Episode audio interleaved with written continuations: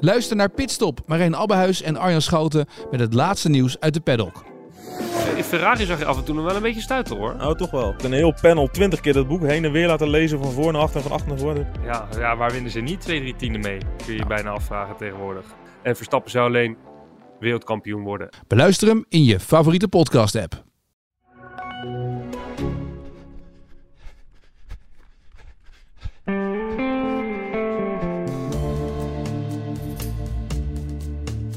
Ja, welkom bij weer een nieuwe aflevering van de Pacer. En een zeer zonnige dit keer. We zitten in de tuin van Michel Butter. Guido Hartesveld zit ernaast met een eh, gloednieuwe korte broek.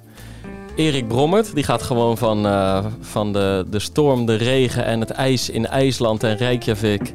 in één keer door naar Castricum aan Zee. En die En, ziet er eh, altijd goed uit, vind ik. Ah, de- de- Erik is ook gewoon in december gebronst. Dus nou ja, kun je je voorstellen hoe die er nu eh, hartjes of ja, in de nazomer bij zit. En ik ben wel, eh, nou, volgens mij ook prima gekleurd. En we zijn er klaar voor. We gaan het hebben over, eh, nou, in het begin even IJsland. De Big Ten, waar volgens mij, ik zag uit je ooghoeken jou daar ook voorbij schuifelen, Guido, toch? Als coach? Schuifelen, wat bedoel je met schuifelen? Nou ja, de- gewoon, ik zag je Ja. voorbij stiefelen of, Ja. of flaneren, hoe je het ook wil noemen. En, en het hoofdthema wordt periodisering. Eigenlijk, ehm, hoe deel je een jaar in? Welke accenten leg je in welke verschillende fases? Wat voor keuzes kun je daarin maken? Hoe zorg je ervoor dat je bij je wedstrijd goed bent? Eh, dat er een wedstrijdspecifieke voorbereiding in zit. Maar welke keuzes maak je in de rest van het jaar? Wat betreft herstellen, eh, omvang, eh, wel iets meer of minder aan explosiviteit doen. Goed, we gaan er allemaal op inzoomen. Eh, we gaan het denk ik ook nog even over mijn Achillespezen hebben. Maar er eh, mag wel gelachen worden, altijd. er mag zeker gelachen worden. Dus, eh, Niet ik over denk- jouw Achillespezen, maar... nou ja, zelfs, zelfs eh, daar mag over gelachen worden. Beetje zelfspot. eh. Maar eerst even Reykjavik. eh je bent net in de auto. Ja, ik bedoel, we bewaren het het liefst, Erik, voor, voor eh, tijdens de podcast. Maar ja, je zit 1 uur 20 met elkaar in de auto. En dan vraag je toch van, hoe was het? Ja. En eh, ik hoorde eerst eh, eh, eigenlijk een uur een tirade over de gids. Maar, ja, eh, ja, maar, die maar gids die komt beter. Ja. die gids kon beter.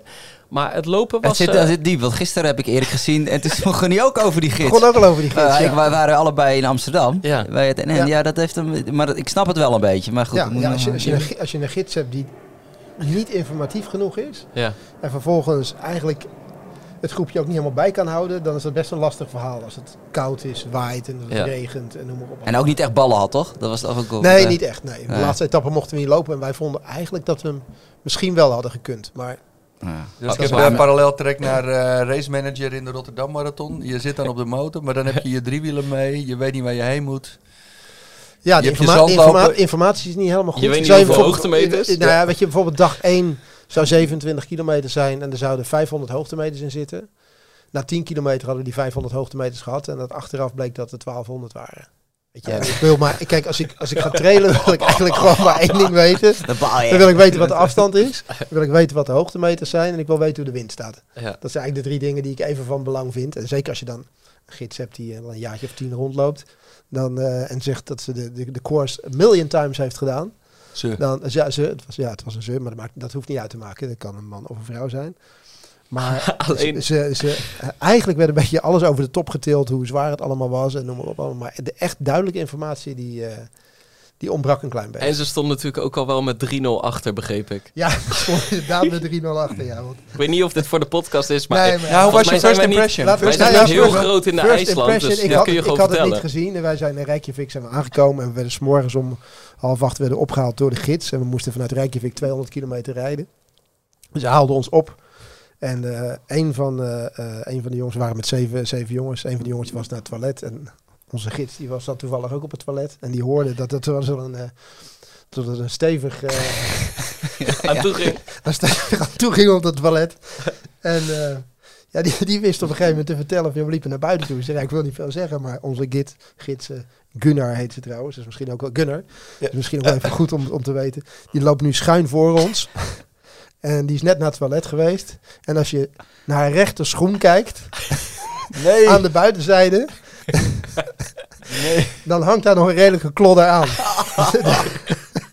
dus dat was eigenlijk onze eerste impressie van, eh, van, van de gids. Die, die, dus die stapte met klodderen al zeg maar, de bus in tot eh, onze chauffeur Tom eh, opmerkte van Gunnar, volgens mij zit er iets rechts onderaan je schoen. Zegt ze ook die honden ook altijd waar, we eens even uit zagen stappen en toch maar even de boel zagen afvegen. Dus, dus het was niet echt een heel erg, erg open, open begin. En, maar Maar na de urenlange... Of, eh, een- Dus er ontstond ook niet iets uurlange tussen... Nou ja, de, tirade. ont- de ontstel stond wel heel veel, want ze wisten al heel erg veel over zichzelf te vertellen. En daar wisten eigenlijk binnen 10 minuten al wat PR's wisten we al in de bus. En eh, wat we allemaal zouden gaan doen en hoe zwaar het allemaal zou worden. En, Maar beschrijf even hoe mooi het is. Want eh, hoe mooi het was. Want, dit- want je, je Ja, had het je net gaat nu wel over... heel snel, zeg maar. Je Nee, moet, maar- moet eerst dat... dat, dat Oké, moet dat- ik dat- even dat- verwerken? ik ben- even Ja, één ding ja, ja, en Jij laat, jij je hoe laat, mooi het, hoe mooi het ja, allemaal is. is maar, eh, Erik dat is is- geweldig. Erik is nog alles aan het verwerken en Ja. jij begint met Ja, ja, even één andere vraag. Ja, ja. Niemand van die boys eh, viel voor haar? Nee, nee, nee, nee. is nee, niet nee, gebeurd. Nee, nee, nee. Maar we, hebben- nee, nee, we hebben vooral heel veel plezier gehad. En eh, het is, eh, nee, nee, nee dat, dat dan weer niet. Maar dat is ook niet, eh, dat is ook niet, van, eh, niet zozeer van belang. Maar uiteindelijk was het na, na, een uurtje of drie, vier rijden, eh, waarvan de laatste anderhalf uur zo'n beetje echt hobbelend eh, over lavavelden, eh, stenen, keien en zo, kwamen we wel bij het begin van de trail aan. We hebben de Lagavur trail gedaan voor de mensen die een beetje ingewijd zijn in IJsland. Is dat een, is eigenlijk een hele lange wandeltocht die normaal gesproken in zeven dagen gedaan wordt. Die, die willen wij in drie dagen hardlopen. En ehm, ja, het is wel geweldig om daar te lopen. Dat wel. Het is een soort landschap wat eigenlijk continu maar wijzigt. Van, eh, van heel vlak, alsof je denkt dat je in, Afghan of je in Afghanistan loopt, tot, eh, tot, tot, tot de rode rotsen, en noem maar op. eh, Is Afghanistan vlak? nou, daar kunnen wel vlakke delen bij, van die vlakke stukken met bergen aan links en rechts, weet je wel, grauw, grijs. Dus dat, eh, dat, dat, dat, zit, wel, eh, dat zit wel goed. Dat, dat beeld hadden we in ieder geval een beetje. Een beetje rivieren oversteken, ehm zwavelluchten die je tegenkomt, van gijzers en alles. Dus we hebben wel drie hele mooie dagen gehad, ja. ja. Maar inderdaad, ijs oversteken, gijzen, lavavelden. Ja. Alles zat, eh, en alles je hamstring heeft het En gehouden. de hamstring heeft het gehouden, ja, dat was wonderbaarlijk, ja. ja. En op dag één was ik nog een beetje grieperig, dus ik was uiteindelijk meer daarmee bezig dan eh, om die dag goed door te komen dan die hamstring. Maar die hield het goed. De tweede dag deden we een 30 en die, eh, ja, die kwam er eigenlijk best wel goed doorheen. Dus, Ja, top. dus ik, heb, ik heb er weer zin in in het lopen. Ja, top. Toen jij op, op de lavavelden liep, toen stonden wij bij de Big Ten.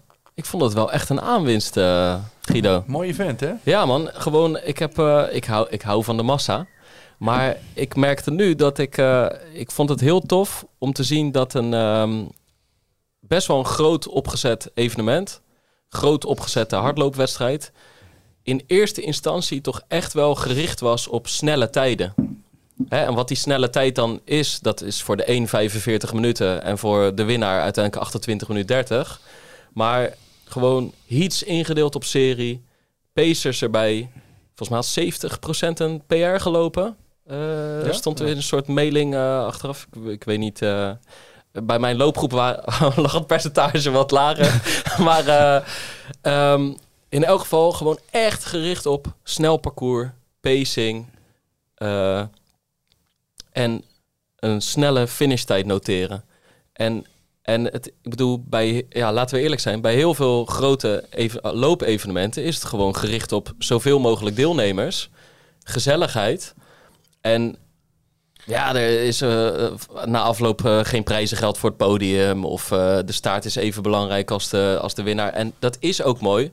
Maar ik vind het ook wel mooi als er een keer een wedstrijd wordt neergezet. De Big Ten. Iedereen proberen een snelle tien te laten lopen. We moeten naast elkaar tof. kunnen bestaan, zeg maar. De, de, Ja. de gijzer, en de zwavelgeuren en de, Ja. eh, moet ernaast een, een, een, biljartlakenparcours en... Ja.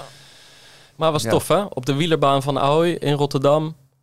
Eh, Noah Schutte won bij de mannen, Lisa Rooms bij de vrouwen. En eh, ik stond in de middenberm. En eh, DJ's, eh, Nou, beetje- bier, een beetje, muziek. Wel een beetje een nieuwe vorm van hardlopen die ik wel echt Is het een beetje, hij is het een beetje een soort van de, van de gravel van het fietsen of zo? Een beetje barbecue, een beetje muziek, Ja, ja, het is van- die indie runnen. Dus die hebben dat Noord gestoord in Amsterdam Oh ook opgezet en zo. Eh, Imo Muller en eh Yoshi. Ja. En die, eh, dat hebben ze nu naar Rotterdam overgeheveld. Eh, Echt, eh, een jaar geleden waren ze daar volgens mij al mee bezig. En, maar het was, ik vond het echt geslaagd voor een eerste editie. Ja, ik vond het jammer dat ik niet bij was. Want volgens mij is het echt een tof evenement. Maar ook gewoon een, nieuwe manier van, van, wedstrijden, van wedstrijden organiseren die, die niet traditioneel is.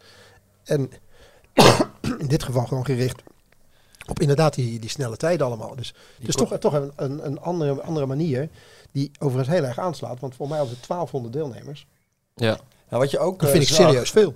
Wat je ook wel zag, inderdaad, dat ehm, zeg maar die die, die build-up in heats. Dus dat die laatste heat met Noah Schutte en die topatleten, zeg maar, dat ook zeg maar, de, de massa bleef kijken en ook gefascineerd wa- wa- waren door de snelheid waarin de top Ja. dan loopt. Ja, Dat zien ze normaal niet. Normaal, je doet mee in een evenement en ze lopen vooruit. ja, En doordat je ook heel veel kon zien. Korte parcours, rondjes ja, met je veel kon de bochten. hele tijd alles zien. Ja, leuk. Heel leuk. Ja. Ja. Anders zie je natuurlijk of start-finish of bij een baan rondjes van 400 meter. Maar dat, heeft, ik bedoel, dat, ik bedoel, dat is leuk en zelfkastijding en dat is best wel aardig. Maar, ja, maar dan moet je alweer apart voor naartoe komen. Want je loopt zelf niet. Of... Precies. Ja. En nu, nu, ik bedoel, de, de- die rondjes duren een kilometer, een kilometer, 1 kilometer 6 of zo, zoiets toch? 1,6? 1400 nog wat. Ja, eh, precies. Nou ja, gewoon, je zag ze in een heel, heel leuk tijdsbestek veel vaak voorbij komen. En eh, ja, ik vond het echt genieten. Ja, en Ja. de sfeer en het, het was een beetje wennen. Weet je wat, vooraf was het, was het een beetje een soort festival eh, sfeertje. Dus dan vlak voor de start, nou, wie heeft er zin in? En werd opgehyped. En ook op de vierde rij. En, maar ja, je kent die atleet die op de vierde rij staan met een strakke blik en Ja, hand bij de knop. Dus die moest even handjes omhoog. En eh, maar weet je, het zo, ik vind het gewoon sowieso eh, respect verdienen ja, mensen die wat proberen. Er zijn echt wel wat verbeterpuntjes. ehm, maar goed, die, eh, dat, dat, ja, dat, is, dat, dat is ook logisch. Als dit voor de Ja. eerste keer is. en daar vroegen En, ze en iedereen heeft de indruk eh, Ja. van dit is gaaf. Nou ja, Ja. Ja, tuurlijk, voor mij hebben ze, altijd- hebben al meer, ze hebben al meer van dit soort evenementen georganiseerd. ja. Ja, maar vind dit, was echt met heel veel nationale toppen ook eh, bij. België Nee, en dat is Nederland. Heel goed. was Ja. echt wel tof. Ja, en die komen gewoon graag. Ja. Omdat het eh, snel is en een goede sfeer is. En ze voelen zich gesupport, gewaardeerd. Ja. Omdat er, eh, ja, iedereen blijft kijken en aanmoedigen. Ja. Dus dat was wel... eh, ja, ik, ik, bijvoorbeeld, eh, ik hoorde ook wel van de, van de pacers, hè, ook van, van Tim Verbaan, dat het, het heel lastig was om te pacen. ja, omdat de GPS net wat anders deed dan de, ja, dat hoor je alle recreanten natuurlijk al zeggen. Ja. Het parcours klopt niet. Nee, Ja. het is andersom. Ja, afstand bedoel, klopt. De afstand alleen klopt, de dus- GPS klopt dus niet. ge- ja, precies. Ja. En, eh, en je moet ook niet op je GPS lopen. Ja. En je moet ook... eh, en je zag ook... Het 5 kilometer punt stond wel heel goed aangegeven. Ja. En dat is gewoon het door de organisatie en door de parcoursmeters eh gemarkeerde punt met Ja. klok. Ja. Dus dat zag ik al heel snel. En dat kon je ook van afstand zien. Je zag hoeveel mensen niet bij het zien van 5 kilometer een soort teleurstelling... Eh, ja, ja, ja. En daardoor... En finish eh, opnieuw. En er ook uitraakten.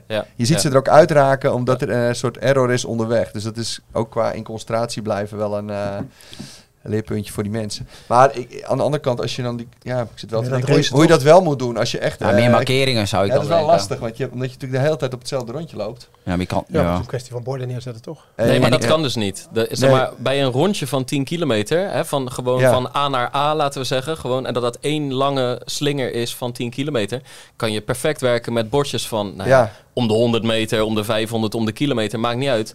Maar hier ga je, gaat dat volgens mij niet helemaal werken. Maar je kan toch een eh, één kilometer ergens neerzetten en Ja. dan zie je ergens verderop op datzelfde stuk misschien een, pas een Twee twee en dan, dan weet je dat het een twee is. ja, dan moet je wel Ja. weten dat het ongeveer twee is. Nou, hoezo? dat meet je toch twee. uit? Is toch uitgemeten? Ja, maar je ziet dan toch eerst zeven komen en dan twee en dan... Nee. Ja, je- Ja, je ziet er gewoon een wirwar van bordjes staan. Ja, dat is waar. wel, Bij zeven is en toch dat zeven, ja. nou, van mijn part doe je 1, 3, 5, Ja. Ja. 8 en 10. Dat die teleurstelling iets eerder komt. Maar het is Maar goed, wel mooi. Maar we zijn, Eh, zitten zo in de, in de GPS-tijdgeest tegenwoordig. Daarom, want je en, en als het verleden snelle, race, was als je toch gewoon met- tijden gaat. Maar goed, als dat... gewoon volgen en... eh, Want ik, merk, want ik merkte oprecht, ik vind het een soort. eh, ze hadden echt eh, World Athletics eh, certificaat. Ja, dus die afstand klopt. Ja, Weet precies. je, ik bedoel, daar, mocht, daar mochten gewoon limieten worden gelopen, bij wijze van spreken, eh, nationale records. Met de Jones counter. Ja, Ja. dus dat, dat klopt gewoon. En hoeveel mensen er dan niet over de finish komen en dan, en dan eigenlijk van, ja, oké, ja, volgens GPS liep ik een PR. En dat dan ook gaan vermelden. Op Strava. En, eh, ja, Ja, gewoon. ja, eh, ik liep eigenlijk dit en ja, dit. was mijn finishtijd, maar dit was mijn 10 kilometer tijd. Nee, de afstand klopt. Je bent alleen gewoon in de maling genomen door je GPS. Ik snap wel dat dat lastig schakelen is. Als je eerst gewoon 10 kilometer lang het gevoel hebt dat je. Hè? Ja, als je het hele tijd... Ik zit op Het een is lastig schema. schakelen en natuurlijk, dan blijkt dat dat later niet zo is. Dat is natuurlijk wel... eh. Maar het is, zo, zo is het natuurlijk gewoon. het, ehm, GPS is een hulpmiddel wat je inderdaad wel in training gebruikt. ja, je, kan, maar je, kan hem, je kan er in je wedstrijd toch niet van op aan. Dat zie je toch in marathon zie je. volgens mij ze dat in, gewoon- je eh, moet er in gewoon van je toch gewoon Ja, dat is ook kapot zo. hoe, hoe wij eh, te veel met die getallen bezig zijn. Ja, en Ja, hoe, kijk, hoe in is. essentie, in essentie moet je natuurlijk heel goed gewoon leren aan. Ik, liep nooit met een horloge, bijvoorbeeld. Ja, en dan had ik, wist ik het eerste kilometerpunt en derde. En dan geloofde ik het eh, allemaal Ja. wel. En dan ga je gewoon in concentratie proberen te komen en dat zo mogelijk te blijven. Ja. En je geeft gewoon alles. Ja. En dat is dan uiteindelijk het resultaat aan de streep. Ja, en als je dan weet of je 10 seconden achter ligt of 10 seconden voor. Ja, ik bedoel, het is allemaal informatie waarbij je gaat Ja. nadenken. En eh, ja, het is gewoon continu, continu alles geven. Maar ik snap Ja. dat dat eh, voor eh, nou ja, 98% van de mensen nog niet zo makkelijk is om dat te kunnen. En zeker in de, in de. GPS-tijdgeest Ja. met hartslag en hartslagmeters en pow- powermeters. En ja, weet ja, je. ja. Ja, is ook lastig. Maar goed. Ja, ik had wel, we hadden ook een, een toen zo'n klant die, die deed dan eh 5000 meter trackmeeting ehm Utrecht. En er stond eh, yes PR, weet je wel. Er stond, eh, ik zeg maar wat, 21, eh, of eh 2140. Ik, heb, ik, ik, ver- ik verander even de tijd, anders gaan mensen het opzoeken. Ja, En, eh, maar ik zag een file. Want je, kijk, logisch dat je eh, in die laatste serie gewoon op start drukt en op stop drukt. Hè, dat doe je eh, zeg maar eh, op dat niveau. En dan stond dan eh, niet 2140, maar er stond eh 2216. Ja. En gewoon, dus de file was 2216. Gewoon start, stop. Nou, die atletiekbaan klopt, neem maar van mij aan. Ehm, in de uitslag van trackmeeting stond ook eh 2216. Maar gewoon, ja, echt mooi PR. ja. Dus ik vroeg ook echt, ik snapte het niet. Maar ja. wat op, eh, op- alles wees op eh 2216. Maar dat blijkt dat er dus een piepje kan gaan in de laatste bocht. Ja. Dan ben jij dus volgens je GPS de 5 kilometer gepasseerd. ja. En dan is dat hem. ja. Dus ik, waarom loop je ook door dan nog eigenlijk? Hè? Want je Ja. bent er gewoon eigenlijk al, toch? Ergens Ah, daar achter het hoogspringplateau. Hey, nee, maar ik zweer het, Guido, wij hebben toen een keer, eh, dat was in die coronaperiode, toen, toen eh, gooide onze coach er af en toe gewoon testjes op de baan uit. Om gewoon toch Ja. een beetje met eh, tijden nog bezig te zijn, met de meten, competitie. Gewoon deden we ook een 3000 meter testje. En toen was er bij ons in de B of C selectie was er een gozer die, ja, zeg maar, het was een 3000 meter. En die stopte bij 2,7, Ja, ja. 2,8. Oh, dit- Gewoon ja. piepje, klokje dicht, wandelen. En volhouden. En die was er. Hilbert, Hilbert, je moet nog een rondje. Maar zo top toch? Echt goed gewoon. Ja. Ja, je moet, maar je moet echt... Ja, leg het er maar eens uit. Die staat er ook nog met grote ogen te kijken. Ja. Waar heb jij het nou over? ja, nee, daar hadden we echt flink wat overredingskracht Ja. ook voor, voor nodig toen. Dat, dat het toch echt, dat die baan wel klopte. Dat dat gewoon, dat die, die lag er al even. Die was opgemeten. En de Op de volgende keer loop je toch echt tot de finish door. Wat je klokje Ja, en ook net al bruto. vertellen. Dat is ook altijd een discussie. Net Ja. al bruto. Ja.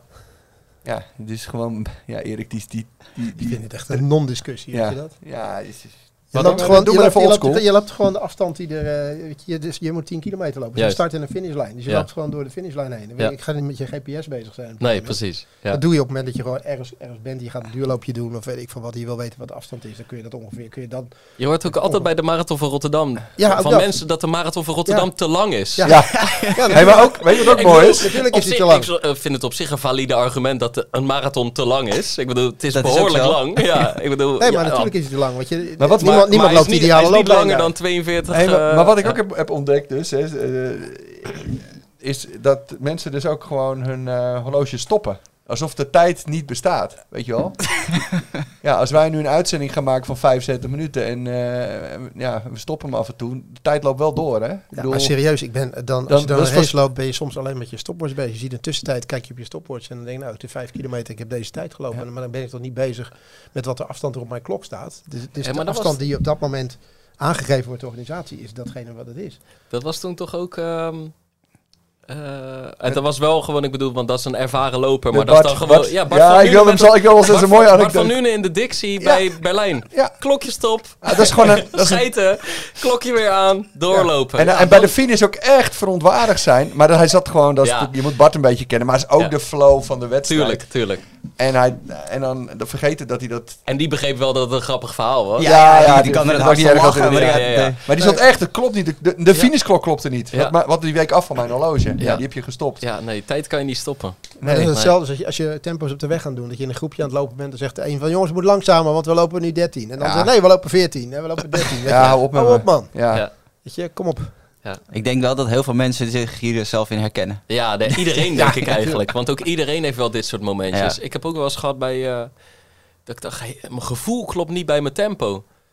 En eh, op de bosdreef.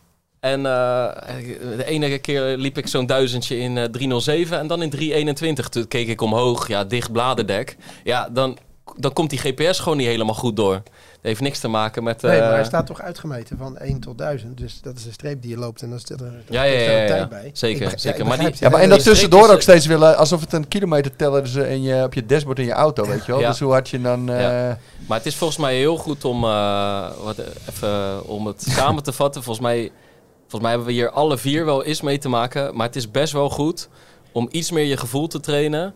En om iets minder vaak continu met dat actuele tempo op je Ja. klokje bezig te zijn. Ja, je moet, Maar dat ste- klopt je moet steeds weten leren voelen met Ja. welke, welke intensiteit, hoe welk gevoel past bij deze intensiteit. Ja. En, en natuurlijk om het te monitoren met je klokje is wel goed. Maar als dat klokje in één keer verslag raakt, dan moet jij niet verslag raken. Ja. Nee, maar ook gewoon dat je, dat je gewoon voelt en weet wat voor tempo er Ja, ja, loopt. Dat, dat verdwijnt helemaal door dit soort, Ja. eh, door dit soort dingen. Je moet de- vragen aan iemand op de, op de baan, als je een tempo, eh, tempo training doet van, joh, kan jij voor mij een rondje 80 seconden lopen? Nou, dat kunnen ze niet zonder op een klok te kijken. Ja. En dan moet dan op 100 gekeken worden, op 200 en dan en dus alleen maar gaat het tempo alleen maar op en neer, dit en dat. Nee, gewoon op gevoel. Probeer nou eens op gevoel ja. 1,20 te lopen of om 15 per uur te lopen of wat dan ook. Dat, dat gaat niet meer doordat iedereen maar. Alleen maar bezig is om te kijken op dat, eh, op dat ding. Ja. Ja. je? je moet gewoon op een gegeven moment dat, dat Maar goed, die kopen ze wel weer bij jou natuurlijk. Dat is wel dus dat is belangrijk. wel lekker. Ja, ja, nee, dat moet wel een beetje doorwerk gaan natuurlijk. Dure Ja, klokjes, het moet, man. Het moet niet ten koste van mijn handel gaan. Dat, eh, dat niet. Dan ik de zeg jij natuurlijk niet op letten, dat ding dat doet het. Nee, ik zeg dat het heel erg belangrijk is dat hij dat allemaal kan. Ja, dat leggen we allemaal wel weer uit. Ja, ja, ja, ja. Maar dat eigenlijk- Dus je moet, je moet eigenlijk hele dure klokjes kopen, Erik, met heel veel functies, die je vervolgens zo min mogelijk gaat Ja, gebruiken. nou ja, na afloop kijk je erop wat het Oh, ja. allemaal opgeleverd heeft. Ja, maar dat is... Ja, Ja, Oké, ja, ja, dat is de, dat is de Toch? Je Ja. zet dat ding aan en dan Ja. kijk je naar afloop. Kan je lekker in je luie stoel met watertje erbij, Ja. zoals wij hier er nu bij zitten. Lekker Dan ga analyseren. je, ga je mooi al je data ga je uitleggen. Ja, en heb je nieuwe Kijk je VO2 Max. En heb goed je recovery tijd van eh 74 Ja, uur. precies. Oh ja, die is ook mooi. Ja, Ja. en dan heb je een... eh, ja, dan moet ik ook gewoon... Ja, ik heb mijn training readiness, die staat bij mij Ja. echt heel erg laag iedere keer. Als ik daar, nou, stel dat ik daar Ja. nou iedere dag naar luister, kom ik niet meer aan het trainen toe als het ware. Toch? Het klopt ook echt niet. Hey, we- Ja. Inderdaad, we gaan nu... we- Ja. Eh, Volgens mij hadden we eh, helemaal niet afgesproken dat we het hierover zouden hebben. Nee, maar het we- is we gewoon wel een leuk onderwerp. Want eh, Ja. inderdaad, wat jij nu aansnijdt, die her- hersteltijd en je VO2 max waarde... Daar klopt echt helemaal geen reet van. Je krijgt altijd, als je, als je verstandig traint, voor mijn gevoel, word je afgestraft qua VO2-waarde. via die Garmin-klokjes en zo. Want dat betekent namelijk, als je gewoon focust op je rustige duurloopjes rustig, hoge omvang. Niet elke interval in het rood, maar gewoon hè, een beetje binnen de juiste zone. Of ja, zone is, maar, je snapt wat ik bedoel. Gewoon niet helemaal door het lint, maar gewoon 7, 8 keer in 1000 in het juiste tempo. Dan, dan schiet dat ding niet door het dak. Sterker nog, vaak daalt hij een beetje. Terwijl als jij je helemaal in het zuur gaat lopen en gewoon elke keer alles geeft en vier intervaltrainingen per week, reken maar dat die VO2 max waarde op, op je klokje omhoog gaat. En dan nog eens die, die, die hersteltijd, ja. Als je, als je daarnaar luistert, dan, dan loopt niemand meer drie keer in de week. Dat is echt, de ene keer zie je 72 uur staan, dan 48. En eh, nee, daar moeten we misschien maar niet te veel naar eh, luisteren. Eh, Misschien, en ook al, al dat sl- slaaptracken en zo. Dat, Ja, je gaat bijna een slapeloze nacht van je slaaptrekker. eh. ja, ik bedoel, eh, slaap... Ja, en HRV, dat is slaap, natuurlijk ook- Slaapmonitoren is echt lastig, hè. Dat kan in een ziekenhuis met allemaal dingetjes aan je brein. En niet door alleen iets om je klokje eh, te hebben, of om je pols te hebben, volgens mij. Nee, maar alles wat op HRV gebaseerd is, is natuurlijk zwaar Heart rate contextgebonden. variability. Ja, heart rate variability dat, variability, dat is natuurlijk zwaar contextgebonden. Dus ja. ja, neem nou... ehm, het heeft met je sympathische en je parasympathische zenuwstelsel te maken. We gaan eh, niet te lang eh, erop in qua tijdsduur van deze podcast. Minuutje krijg je. Je krijgt een minuutje. Guido. En een paar metafoortjes erdoor. Ja, Nee, maar Graag. eh, het is gewoon zeg maar actie-reactie. Dus je bent in herstel of in adrenaline. Even heel simpel gezegd. En neem nou de ochtend van een wedstrijd, dan ben je natuurlijk, dat is gewoon een fysiologische adaptatie of een anticipatie eigenlijk, die je hebt op de wedstrijd. Dus heb je een slechte HRV. Logisch, en dat is gewoon heel functioneel, want je Ja. moet performen. Ja. Eh, en dan moet je niet gaan zeggen, oh mijn HRV is minder, ik ga minder presteren. Ja. Eh, HRV kan je niet primair gewoon gebruiken. En al helemaal, je moet hem goed meten. en Niet, op, niet, niet zomaar op je pols en et cetera. Nou, maar wat jij zei, het, is in de, in de context. En als een individu wakker wordt in het... Hé, maar HRV is laag vandaag. Ja, maar hoe is hij in de afgelopen eh, week geweest? eh, twee weken? Wat heb je gedaan aan training? Ja. Ja. Ehm, al dat soort elementen. Dus, dus als, ja, als, als mensen inderdaad op een horloge, en we zien het wel eens voorbij komen, dan zeg je, ja, maar oh, mijn HRV is laag. Of oh, mijn, ane, mijn eh, anaerobe drempel is verbeterd. Of eh, oh, ik moet nu langer herstellen. Ja, alles moet in de context geplaatst worden. En niet over één dag, maar over een langere periode. Trends. Ja. Maar jongens, zo is het wel slecht periodiseren natuurlijk, hè, als we daar niet naar kunnen gaan kijken. Nou oh ja, ja, nee. laten we doorschakelen inderdaad. Laten we Ja, doorschakelen. Nou ja, hè? gevoel. Ja, nee, maar toch. Erik Ja, even... nee, nee, ja, maar maar- Erik even oldschool. En wij even als oude mannen oldschool onder, onder elkaar. Wat echt het aller, allerbelangrijkste gewoon is, even als voorbeeld, hoe sta je op? En je loopt naar de play en je moet de trap af en je denkt, oh mijn god, was de wekker nu al? En je, en, en je hebt gewoon je Brakke benen. brakke benen, brak, gewoon, ik ben nog moe, ik wil eigenlijk slapen. Weet je wel? Dus dat is echt zo essentieel. Dat is het allereerste signaal. Dat wel, maar hoe vaak heb je, heb je, hoe vaak heb je niet dat gevoel? Dat je denkt van, nou, ik, wil eigenlijk, ik zou, zou eigenlijk willen gaan slapen. En je gaat trainen, je bent een kwartiertje losgelopen. En het blijkt heel veel beter te zijn dan dat gevoel is dat je in eerste instantie hebt. Maar de, de, de- Dat is ook En, één niet? keer is dat niet erg, maar Of dat je aan het einde van de dag wil gaan trainen. Dat je een enorme, voor je gevoel, dip hebt van, ah, het is helemaal niks en dit en dat. En, en je hebt een kwartiertje, twintig minuten losgelopen en dan...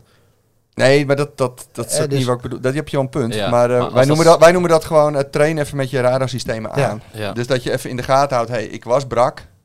En dat begint dus niet bij een cijfertje. Ja. Ik was brak, eh, oh, die, die, de, de, de, de knie is wat stijf. En ehm, ik had ook niet zoveel zin, niet zoveel zin in de dag. En dan, dan sleep je wel door de dag heen. En het is ook niet zo erg. Wat moet gebeuren, moet gebeuren. En volgens ga je trainen. En dan moet je ook gewoon feel, is heel belangrijk. Hoe voel je? Hoe voelt de warming up? Hoe voelen de strides? Ja. En dan ga je een training doen die op het programma staat.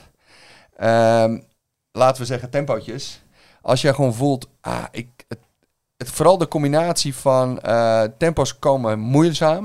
Ik heb er eigenlijk geen zin in. En als dan ook je hartslag laag is en je hartslag krijg je niet omhoog, zo moet je hartslag gebruiken. Ja. Ja, maar dan, pas je, en dan moet je, dan moet je het Ja, vermogen hebben om aan te maar, passen. maar niet, oh, oh goede hartslag, lage hartslag. En dan zie je ook, al, yes, mijn hartslag was laag. Ja. Nee, het is een, een, gewoon een, een eh, beschermingsmechanisme van het brein. Gewoon een downregulatie van, hey, er is bijvoorbeeld weinig glycogeen ter plaatse. Ik wil overleven, ik heb glycogeen nodig. Want het brein gaat op, op suikers. Dus we gaan gewoon de glycolyse wat dempen. Dus we gaan daarom niet hard en daarom kan de hartslag niet hoog. Even als voorbeeld. Dus mensen, alsjeblieft, cijfertjes, cijfertjes, cijfertjes. Waag je er niet aan tenzij je het begrijpt. Is dat uh, kort door de bocht? Ja. Ja, Nou ja, nou, en- het is het wel- begint nou ja, begint niet nou, en begrijpen is, is dus wel, je moet wel echt heel erg kunnen uitzoomen en heel goed dus je eigen context kunnen begrijpen. En dat scheelt wel als je een coach hebt. eh, Die dat, eh, die dat die context wel begrijpt. En ja, heel veel mensen handelen inderdaad meteen op basis van cijfertjes zonder. Die, die, die raken in paniek als ze iets zien. Maar kan je, voor, kan je zelf, ben je zelf in staat om uit te zoomen en te begrijpen van maar wat gebeurt er nu precies? En hoe erg is het inderdaad, Erik, als je een keertje moe wakker wordt en je gaat lopen? Ja, die eerste keer niet, maar misschien na twee, drie dagen moet je eraan afvragen van hey, Ja. gaat dit de goede kant op of niet? Ja. En, en ja, en, en, en in je microcyclus, zeg maar op weekniveau, laten we zeggen, of op tien dagen niveau, of net hoe, hoe groot je microcyclus is, daar komen we misschien straks nog op, is het natuurlijk wel de bedoeling dat je de goede, dat die prikkels wel lukken op de dagen dat je hoopt dat het lukt. Anders is er ook iets niet goed. Ja. Als je heel vaak hebt eh, op die dag eh, is een belangrijke training of een tempo training en die lukt gewoon niet, want ik voel me ochtends alsof ik, ja, dan zit er of te veel life stressors of iets niet goed met je voeding. Of je, zeg maar, je intensity control niet goed gedaan op de rustige dagen. En dat AIT niet AIT is en easy niet easy genoeg. Of gewoon veel shit aan je hoofd. Je moest dus weten hoeveel energie het brein al vreet. En, en waar moet die energie vandaan komen. Dus weet je, dus het kan, eh, of, je, of je hebt gewoon iets onder de leden. Maar normaal gesproken, dus de prikkeldichtheid binnen de week, moet ook, er moet ook gewoon genoeg space tussen zitten. Dus, eh dus een stukje alvast over periodisering. Ja, laten we, laten, we, Ja. laten we inderdaad doorschakelen. En misschien is het beste als jullie allebei, eh, zeg maar, ehm, om het gewoon gelijk even goed neer te zetten. Dan gaan we daarna wel inzoomen en allerlei zijpaden in.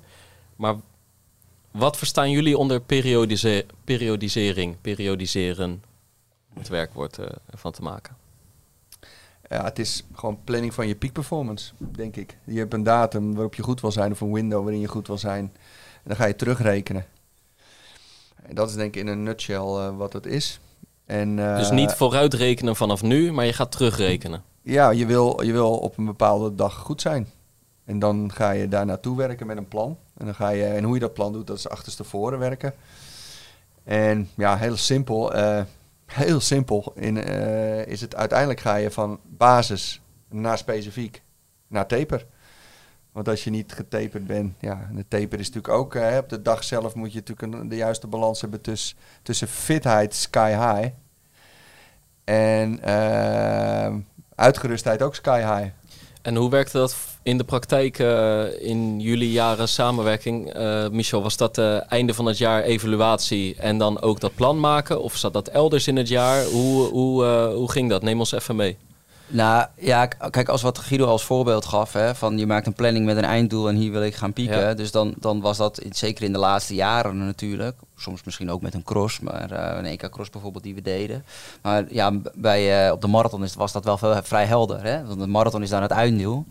Nou, en dan, dan zit je inderdaad op een bepaald moment, dat is meestal na de vorige marathon al. Hè? We hebben een andere marathon gehad, nou, dan ga je even rusten. En, eh, en, nou, en dan gaan we nu nieuwe plannen maken. Nou, en dan zeggen we van nou, we willen hier, we gaan, deze voor we gaan voor deze marathon. En eh, daar zijn we, nou, zeggen, 20 weken.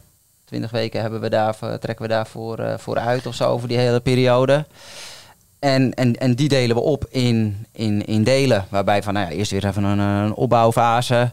Dan eh, komt er weer een fase dat we dan eh, eh, bijvoorbeeld volume moet weer terug omhoog. Nou, zijn er nog belangrijke tussendoelen in de weg naartoe. Hè? Want je hebt natuurlijk, de, de marathon is het einddoel. Maar er zijn ook bepaalde ehm, eh, of componenten waar je weer, weer moet wil gaan werken. Bijvoorbeeld weer aan, aan snelheid of aan, eh Heb aan jij, kracht. heb jij- VO2, ja, heb maar nog voor ogen eh, ehm, de, dag dat jullie de planning gingen maken voor jouw twee, uiteindelijk je 20958 marathon? En, en, en hoe, Ja, welke toch- keuzes jullie ja. daarin hebben gemaakt? Dat is dan, dat is dan, even kijken, moet ik denken. Dus dan 2012, dus dan hebben we Boston gehad. Ja, is dan redelijk snel naar Boston. Dat zal in mei zijn geweest dan. Dus dan gaan we in mei zitten. En dan, begint het, ja, en dan beginnen we met, eh, met plannen. En dan, eh, nou oké, dus inderdaad Amsterdam met als einddoel. En wat is nu belangrijk voor jou in, eh, nu voor de komende, komende periode? Waar, waar kunnen we nu winst gaan behalen? Wat zijn belangrijke elementen om, dat, om weer beter te zijn dan, dan daarvoor? Ja, En dan komt dat vaak, ja, in, in dit geval was dat vaak dan bijvoorbeeld eh, gewoon baanwedstrijden ook weer eh, gaan lopen. Nou, En, de, die, de, de, ik wilde er net niet op inhaken, maar nu de VO2 Max wordt wel gedrukt door marathontraining op dat niveau. Ehm, het heeft met, het, met de functie van het hart te maken. En het hart is niet zo efficiënt. Dus eh, een marathontraining is, is een efficiëntieverhaal. Ehm, maar slagvolume van het hart en al die andere ja, cardiovasculaire adaptaties heet dat. Dus om zuurstof eigenlijk naar de spier te brengen, eh, daar verlies je ook wat in. En, en dus moet je ook dat weer gewoon met, even, even in Jip en Janneke taal, intensievere trainingen, VO2 max trainingen, baan met 5000 meter trainingen, wel weer terug. eh, maar dat was niet omdat zijn klokje het zei hoor. Dus, klokje- die klokjes hadden we dus nog Guido, niet. ergens in dat jaar wil jij met, met eh, eigenlijk een marathonloper op hoog niveau, wil jij ergens in dat jaar wel dat soort specifieke trainingen doen?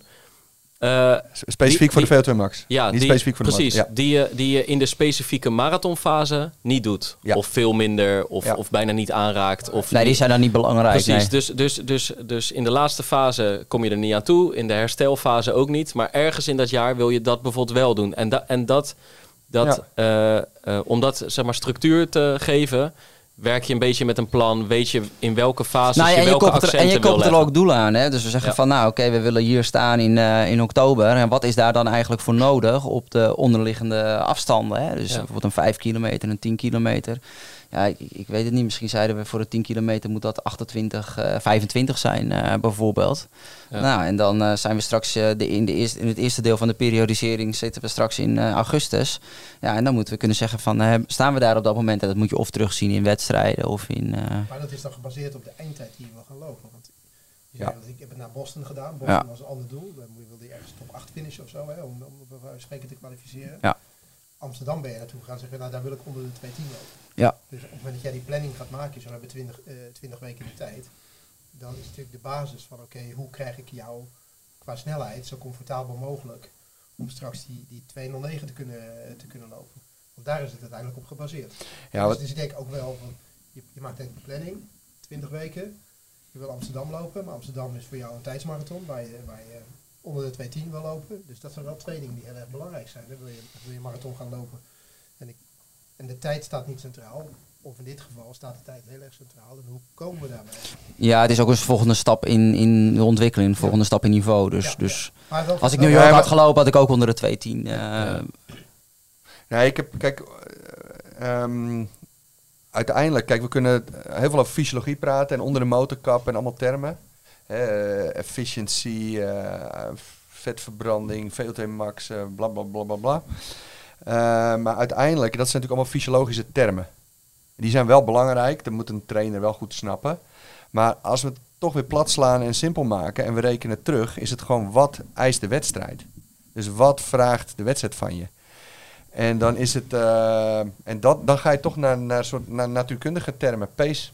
Ja, Dat ja, is, dat is geen fysiologie, dus het is heel simpel. En dan is Boston. En Bo- uit te leggen van wat, hoe ziet die 20 weken eruit? Je, die 20 weken, je hebt, je hebt een plan gemaakt. Je wil, eh, je wil graag onder de 210 lopen. 20 weken, hoe ziet dat er gewoon grofweg uit? Die, Ja, maar dan gaan we dus terugrekenen. En dan eindigt het, het hele verhaal, met, even los van de taper, eindigt het met gewoon eh 42 305 per kilometer. 305 per kilometer. En in het Boston verhaal was het eh 42 keer eh 305 met eh, flinke downhills en uphills. En New York ook. En dat, die parcours zoek je dan ook. Want daar moet je echt wel op getraind zijn. Ehm, en als je een tactisch een warme wedstrijd verwacht of een tactische wedstrijd met een, een forse versnelling in het midden. Dus uiteindelijk ga je altijd eh, aan de, in de tekentafel altijd uiteindelijk naar wat, wat vraagt de wedstrijd. En daar kies je afhankelijk een beetje, is het 1500 meter lopen of 5000 of marathon of een wa- warme marathon. Ja, die specifieke fase duurt altijd wel een week of zes.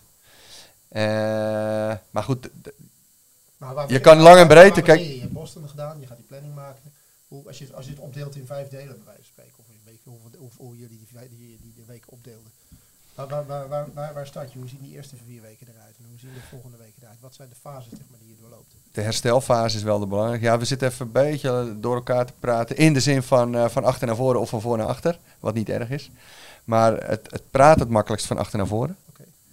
Eh, dan is het de race day, dan is het de taper, dan is het de specifieke fase. En je wil wel met de juiste ingrediënten eh, aan het begin van de specifieke fase a- arriveren.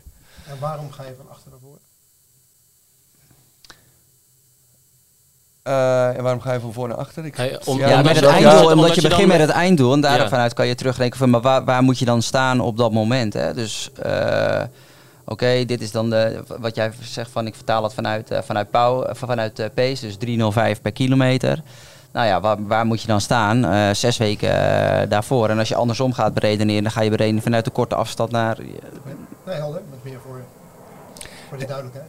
Ja, ja, ja, nee, dat is goed, goed dat je het vraagt. En, maar en uit, ik merk wel dat ik ook in mijn communicatie naar mijn sporters eh, ook vaak de overgang maakte, ook eh, in, zeg maar, in fysiologische termen en doelen en doelstellingen en parameters waar je op mikt, naar uiteindelijk gewoon pace.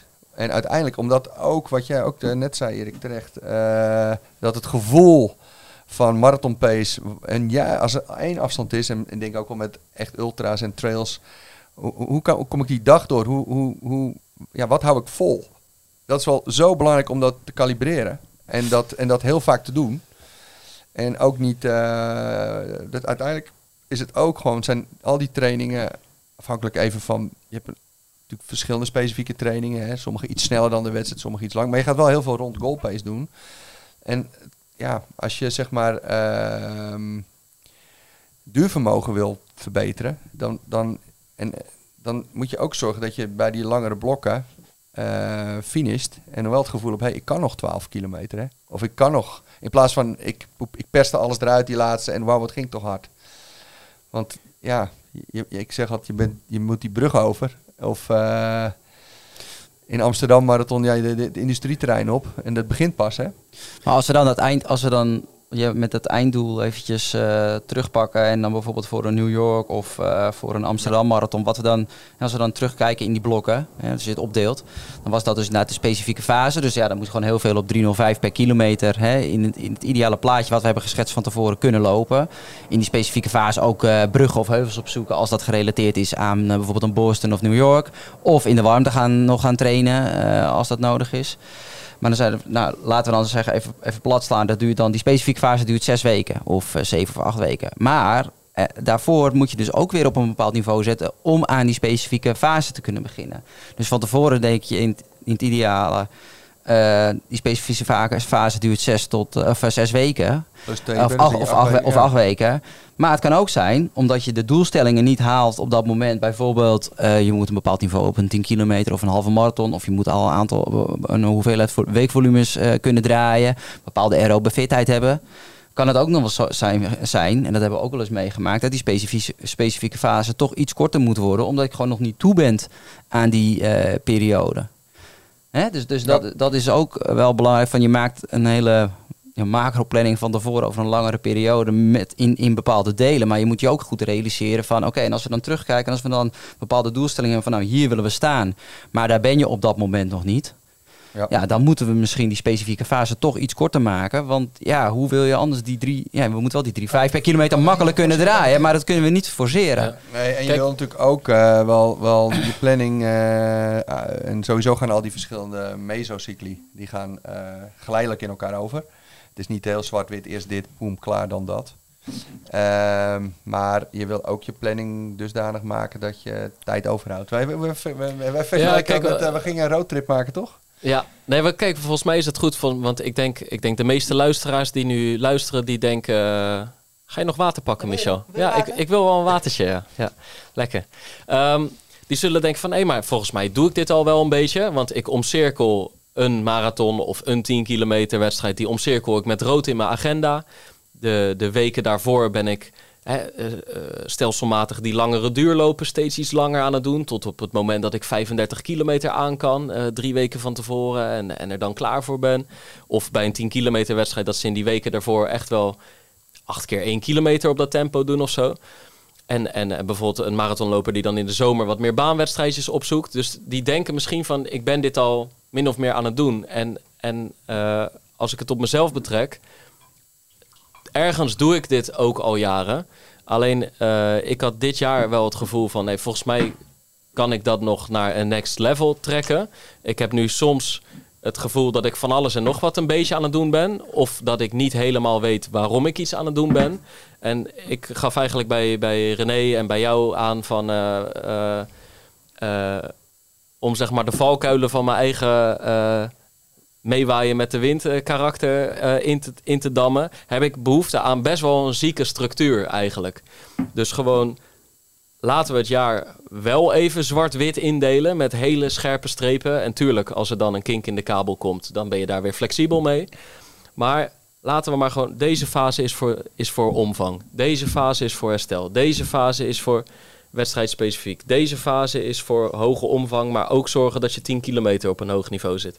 En toen zijn we eigenlijk met René en eh, jou hier iets verderop gaan zitten. Ja, ik vind het altijd leuk als jullie langskomen. En, En, hebben we we- volgens mij echt vier uur over hardlopen zitten lullen. Ja, nou, dat, toen zeiden we, dit had een podcast moeten zijn. Ja, het was wel een, eh, een enorme marathonpodcast geworden. Ja, Maar, eh, nee, maar dat is gewoon hartstikke tof om jullie te helpen. En is, het is gewoon super gezellig. En dat is ook mijn passie om erover te praten.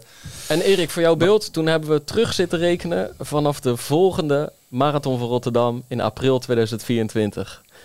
Toen had ik heel klein beetje last van mijn pezen, maar hadden, spraken we een soort van af van, eh, daar ben ik nu goed mee bezig en dan kan ik over drie weken van start. Nou, dat is anders gelopen. Maar daar stond dus, dus zijn we gaan terugrekenen. dat je zo de specifieke fase wat moet uitstellen. Ja, ja nee, maar dus we zijn terug gaan rekenen van de marathon van Rotterdam. Specifieke fase daarvoor. Daarvoor een omvangsfase. Daarvoor een herstelfase.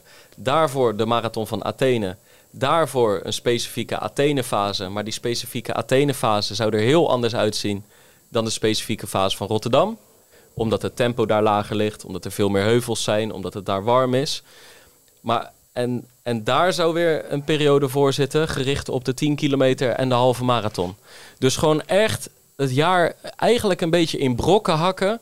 Met elke keer andere accenten die continu verschuiven. Eh, geef Ja. ik nu een goede samenvatting, Guido? En dan Ja, is het ja, ik vraag, denk met z'n drieën over hebben van hoe... Maar ik ben wel heel benieuwd wat er, wat er dan is blijven hangen, wat er echt anders moet. Omdat, kijk, eh, ik vind het super tof als René eh, vragen stelt of jij los van elkaar. Alleen een losse vraag, zijn dit goede trainingen? Wat vind je van deze trainingen? Ja, dat, dat, dat, dat moet je natuurlijk wel het grote plaatje eh, kennen. Dus je moet wel weten, waar, wat, wat is het, ja, als je dan zegt dit is eh, 4 keer 2 kilometer of eh 6 keer 1000 plus 5 keer 400, wat vind je hiervan? Ja, ik heb daar niet zoveel van te vinden. Eh, laten we eens eh, in grote lijnen eh, samen gaan zitten. Voordat, eh, Een beetje raar geluid. hoor. Beetje- Het, ja. die heeft een of andere aflevering. Beetje WD, WD-40 had ik het, eh, had ik moeten de- smeren. Die, het zonnescherm naar beneden. Ja. of je buurman zit gewoon te pesten nu of zo?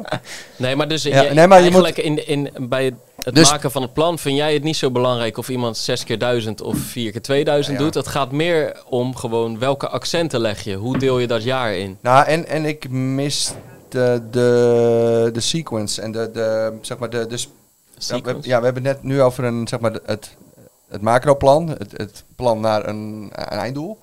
Dan deel je dat in periodes in. Dat zijn mesocycli. En dan heb je, ehm, en dan volgens kom je tot microcycli. En dat je, dat je prikkels gaat herhalen. En kijken wat het doet. En dan de volgende weer. En dan de volgende weer. Dus hoeveel van die herhalingen van een eh, microcyclus. Eh, want ja, de ene keer 6 keer 1000 en de andere keer eh 10 keer 400. En dan weer, eh, ja, dat is heel moeilijk om daar iets van te vinden. Vind je, wat vind je van de 400'tjes? Dus, dan is, toen, dus toen kwamen we op, oké, maar wat wil je nou? Wat is nou je doel? Wat, waar, waar, wat moet er verbeteren? En, ehm, en hoeveel daarvan doe je in een... En hoe, hoe lang heb je dat nodig en hoeveel van die onderdelen stop je in een microcyclus? En want anders ga je, lo- ga je los, ga ik losse trainingen adviseren. Van nou nee, dat, is, dat klinkt goed, maar dat zou ik de pauze iets anders doen. En eh, daar zijn we al heel leuk mee aan de slag gegaan. Dus de, de lange brokken, de periodes en ook wat stop je in een periode. Ja. En waarom en met welk doel. En hoe meet je nou of je eh, on track bent. Dus met sequence bedoelde ik dus de Ja, dus opvolging de- van de dus ene train naar de andere. Bijvoorbeeld dat een, ehm, een brok van eh, acht weken Ja. uit vier keer twee weken bestaat of acht keer zeven dagen. Of, hè? Ja. En met bepaalde trainingen die logisch op elkaar volgen. Ja. Ja.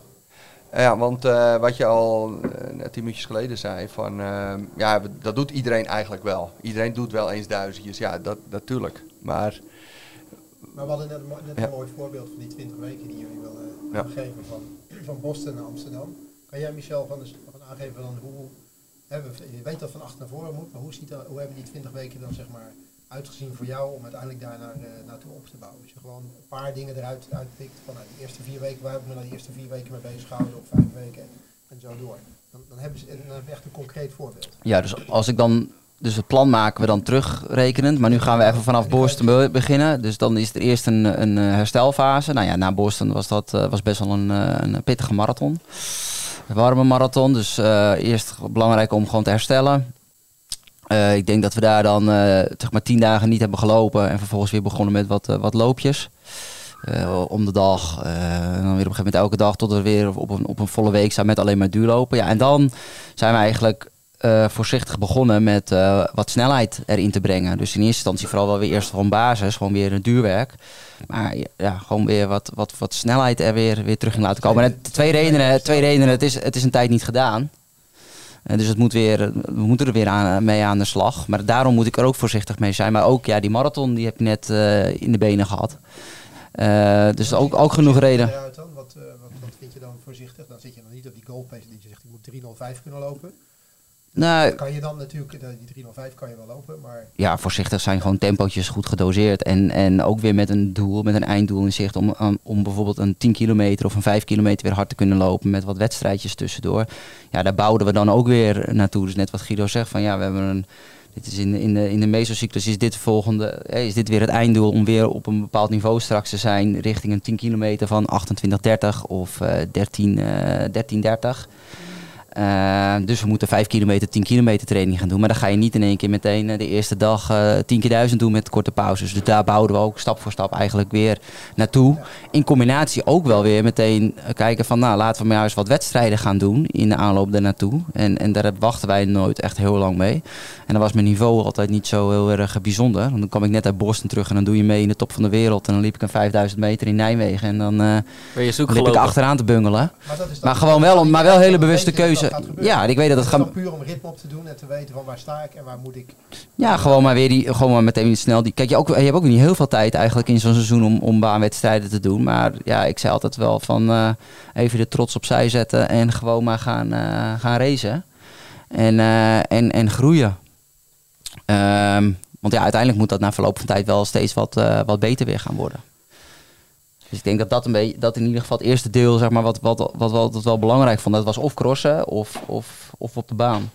Maar Erik, die, eh, wat je zei over die 305, dat is de, zeg maar, de centrale pace die uiteindelijk in het midden staat. Ehm, maar als je een zeg maar, van buiten naar binnen benadering hebt, outside in, dan, dan werk je zowel aan de tragere kant van 305, even praktisch, en aan de snellere kant Ja. van 305. Dus eh, wat we heel veel deden, zeg maar VO2 max training, 5 kilometer, dat is 240, 250, 245 per kilometer. En dat doe je dus, en dat, dat, dat, wat Michel net zegt, daar, daar trek je dus een mesocyclus vooruit, acht weken. En dan begin je gewoon met kortere tempootjes in die, eh, in die snelheid. En dan ga je dat ook uitbouwen, uitbouwen, Dat uitbouwen. betekent 400 op die hele hoge snelheid om uiteindelijk straks... Uh, 600'tjes, 800'tjes, even heel simpel Kortere gezegd. pauze, Ja. langere pauzes, terug naar kortere pauzes. Ja, eh, want je wil vooruit gaan in, in dat onderdeel. Dus daar, begin, daar ben je ook gewoon een beginner. Dus, die, dus, die, dus ga ik toch even met jou mee. We begin, gaan even van voor naar achter. Dan is de rustperiode heel belangrijk, de eerste periode. En dan is er echt weer een soort van introductieperiode waarbij je echt went aan alles. Dus went aan lopen, went aan krachttraining, went aan strides. Sprongen. Dat je Ja. lich- lichaam eigenlijk weer eh, Introduceert. en laat wennen Ja. aan, aan de inspanning. Die Ja, je- dus de, in de periodisering, maar ik denk dat het te gedetailleerd om alle periodes helemaal door te nemen. Maar eh, even de grote lijn is dat de rustperiode is wel echt essentieel. Ja, goed Na de marathon. Goed herstellen. Eh, doe, ga vooral even doen wat je... Wat je Ja, maar- fysiek en mentaal. Mentaal, ja. En, en dan is het gewoon... eh, en daarna pas gaan we evalueren. Dus de eerste evaluatie doe je natuurlijk altijd wel... ehm, in ons geval wel vaak terug in het vliegtuig. Of eh, vieren hem altijd flink. We hadden veel te vieren. Maar echt, echt diep evalueren doe je na de rustperiode. En dan ga je lekker op vakantie en lekker eventjes, weet ik wat je gaat doen. En van alles en nog wat. Je blijft natuurlijk wel een beetje fit, maar even niet, even vooral mentaal en fysiek. Pim, wat doe jij in je rustperiode? Nee, het is bij mij letterlijk in deze periode misgegaan. Ja. Want eh, Ja. we spreken nu... eh, is het begin september? Nu. Nu. Ja, het is begin september. Oké, ja. Ja, daar ga je al. Ik In de periodisering Nee, ik vind, ik vind data zo moeilijk. Daarom heb ik een plan nodig. Nee, Ja, nee, nee, maar, ja, het was een serieuze ja. vraag. Ja, nee, het is nu begin september. Eh, ik heb eh, half april nou, op een minuutje na niet mijn doel gehaald, maar vier minuten van mijn marathon PR afgelopen. Echt gewoon heel blij geweest met die 2.24. Bewust ervoor gekozen van dan ga ik anderhalve week later een maand met twee vrienden op vakantie. Ik neem wel mijn hardloopschoenen mee, maar het is allemaal van, eh, van minder groot belang. Ik ga gewoon lekker feesten, strand, hiken, gewoon, gewoon boottochtjes, goed vakantie vieren, mooi reizen. Alleen, ja, ik ben iets te veel liefhebber geweest. Dus eh, Maar dat is ook, Op- je moet je rustperiode ook plannen. En ook wel Nou, goed. wij zeggen nee, wel eens, dus- wij dus- zeggen wel eens tegen, tegen topsporters die dan terugkomen uit hun rustperiode. Ja. En nu gaan we een rustperiode inplannen. ja. Want ja. je, je moet, je moet, je kan, dat is ook gewoon, dat bedoel ik helemaal niet grappig, maar dat is wel serieus. Je, je kan ook moeten herstellen van je rustperiode. Ja, ja. Want als een rustperiode moet wel een rustperiode zijn. Ja. En als je wil feesten, moet je dat zeker doen. Maar daarna moet je gewoon even eh, ook een rustperiode Ja, inplannen. ja. En dus, dus wat er bij mij eh, is, mis, bij, is misgegaan. Ja, ik ben gewoon eh, of in totaal vijf weken, als je Athene ook meerekent.